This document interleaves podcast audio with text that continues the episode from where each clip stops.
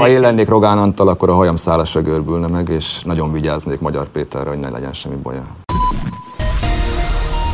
Mondta Gulyás Mártonnak nyilatkozva a Partizán csatornán Varga Judit volt férje, aki szerint Rogán Antal ellenőrizhetetlen túlhatalomra tett szert. Egy másik nyilatkozatában arról beszélt, hogy korábbi felesége igazságügyi miniszterként már a Sadl ügy kirobbanása előtt le akarta váltani Völner Pált, de Orbán Viktor nem engedte. Úgy hírlik, hogy a kegyelmi ügyben fontos szerepet játszott Balog Zoltán, a Magyarországi Református Egyház vezetője. Csökken a felhőzet, holnap is 10 fok fölött alakul a hőmérséklet. A mikrofonnál Kárpáti János. Breaking, a Klubrádió hírpodcastje.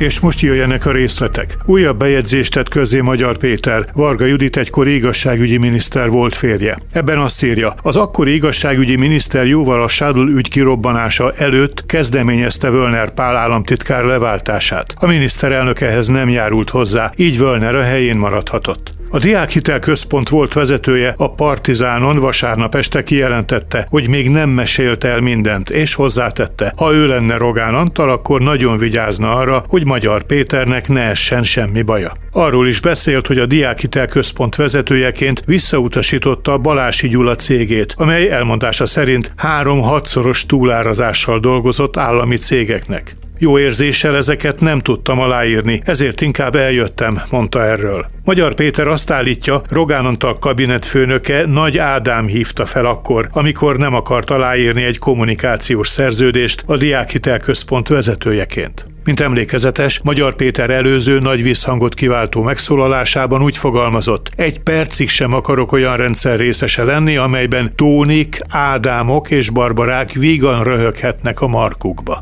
A Partizánnak arra a kérdésére, hogy Varga Judit javasolta-e az ominózus kegyelmi kérvényt, azt válaszolta. Úgy tudja, hogy nem. Vannak nagy emberek nagy hibákkal, mondta Orbánról egy fideszes barátja, és ma már ő is ezt gondolja róla. Szerinte a jobb oldalnak is az az érdeke, hogy kikényszerítsen ebben változást. Nagy problémának tartja azt, hogy nem lát potens ellenzéket.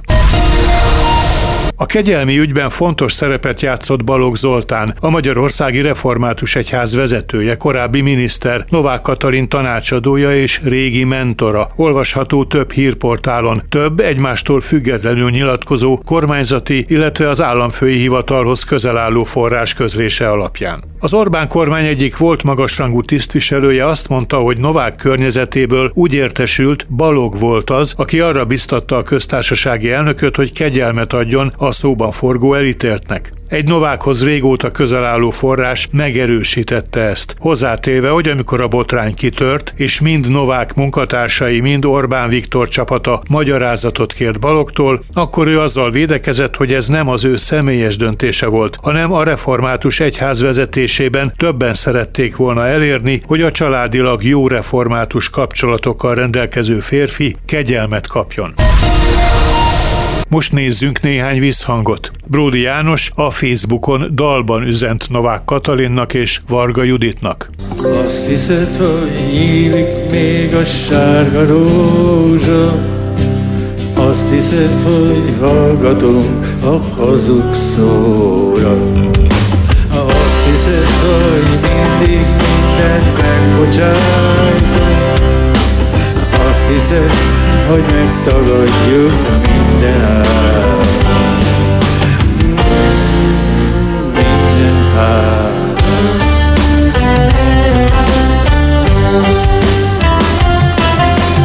Világok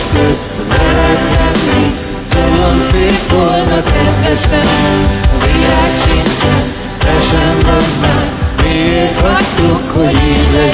És akkor lássuk a prózaibb reagálásokat. Gyurcsány Ferenc, a Demokratikus Koalíció elnöke föltette a kérdést, hogy miért volt olyan fontos a kegyelemben részesített szabadsága, azon az áron is, hogy beáldozzák érte a köztársasági elnököt és a kormány egyik tagját. Hasonló kérdéseket firtat a párt oktatási és kulturális árnyékminisztere Barkóci Balázs. A pedofil botrány legfontosabb kérdésére továbbra sem kapott választ az ország. Kiutasította Novák Katalint és Varga Juditot arra, hogy adjanak kegyelmet egy pedofil segítőnek. A demokratikus koalíció szerint az ország választ vár. Kimozgatja a szálakat a pedofilok védangyalaként a háttérben, akinek Novák Katalin és Varga Judit beáldozása sem volt drága egy pedofil segítő szabadságáért. Ha ez megtörténhetett, akkor vajon hány fideszes pedofil jutott már ilyen magas szintű állami védelemhez, mekkora lehet a fideszes pedofil hálózat? A DK azonnali válaszokat vár a kormánytól. Az országnak joga van tisztán látni a magyar belpolitika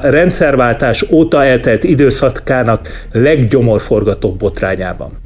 Orosz Anna, a Momentum országgyűlési képviselője szerint az ellenzék dolga az, hogy felelősségre vonja Orbán Viktort, aki tudott a kegyelmi döntésről, mégsem tett semmit. Az teljesen nyilvánvaló, hogy egy olyan központilag vezérelt rendszerben, amilyen az Orbáni rendszer, olyan nem fordulhat elő, hogy egy ilyen kegyelmi döntés valamilyen módon nem kapcsolódik Orbán Viktorhoz. Orbán Viktor ezért döntésért semmilyen felelősséget nem vállalt, az egészet eltolja magától, ami hatalom technikailag érthető, de minden más szempontból pedig elképesztően felháborító és messze menőkig elfogadhatatlan. Az, hogy ő akár személyesen kérjen bocsánatot az áldozatoktól, azt, hogy személyesen vállaljon felelősséget, azt, hogy kiderüljön, hogy mi az oka annak, hogy ez egyelmi döntés megszülethetett, az, az ellenzék dolga, legalábbis a Momentumnak biztosan az a dolga, hogy ezt, ezt kikényszerítsük.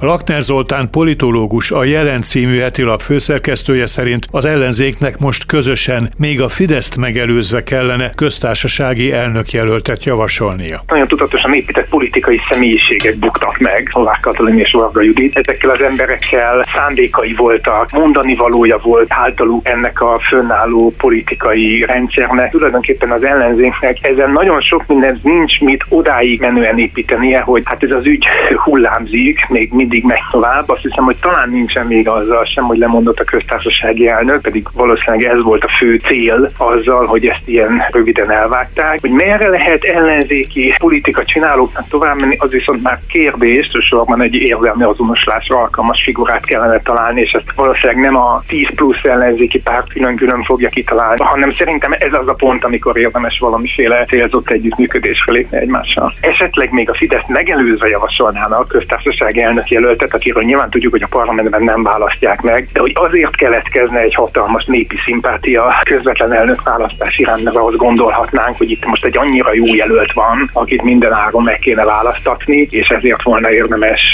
mögé állni akár a írásgyűjtéssel vagy demonstrációval. Úgy tudni, hogy a Fidesz már megkezdte a közvélemény szondázását, ki lehetne a legesélyesebb államfőjelöltjük. Az egyik portál szerint főként három név forog. Navracsics Tibor területfejlesztési miniszteré, Szalai Bobrovnicki Kristóf honvédelmi miniszteré, valamint Merkeli Béláé, aki a Semmelweis Egyetem rektora, de felmerült Stumpf István volt kancellária miniszter személye is. Egyelőre csak híresztelés, hivatalos megerősítés nélkül, hogy az angolul és franciául egyaránt jól beszélő Hídvégi Balázs európai parlamenti képviselő jöhet szóba elsősorban, mint aki a Fidesz lista vezetője lehet a június 9-i EP választáson.